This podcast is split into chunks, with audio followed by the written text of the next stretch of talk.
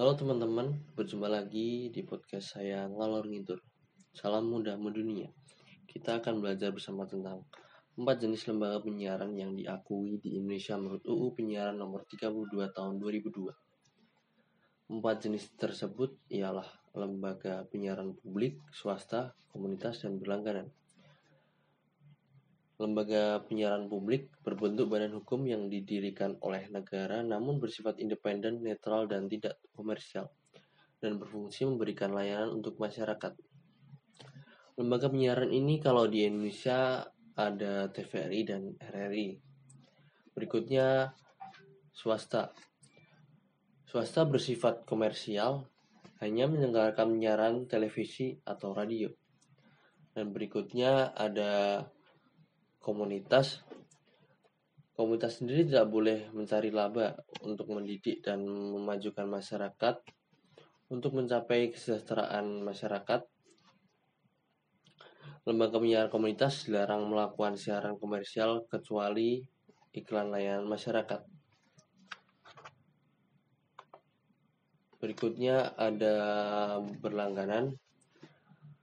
Berlangganan hanya menyelenggarakan jasa-jasa untuk berlangganan. Nah, pada kali ini mungkin saya lebih menjelaskan tentang komunitas.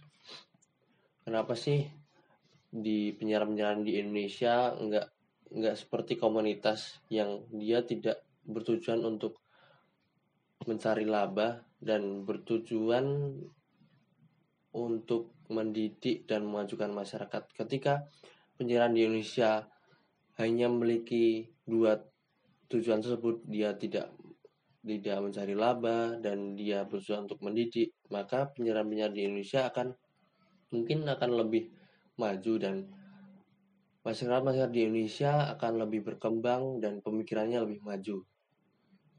Pengen kan kalian menjadi negara Indonesia negaranya maju Indonesia negara maju enggak berkembang terus.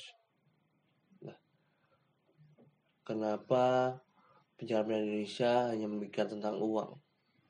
Kenapa sih uang bukan segalanya?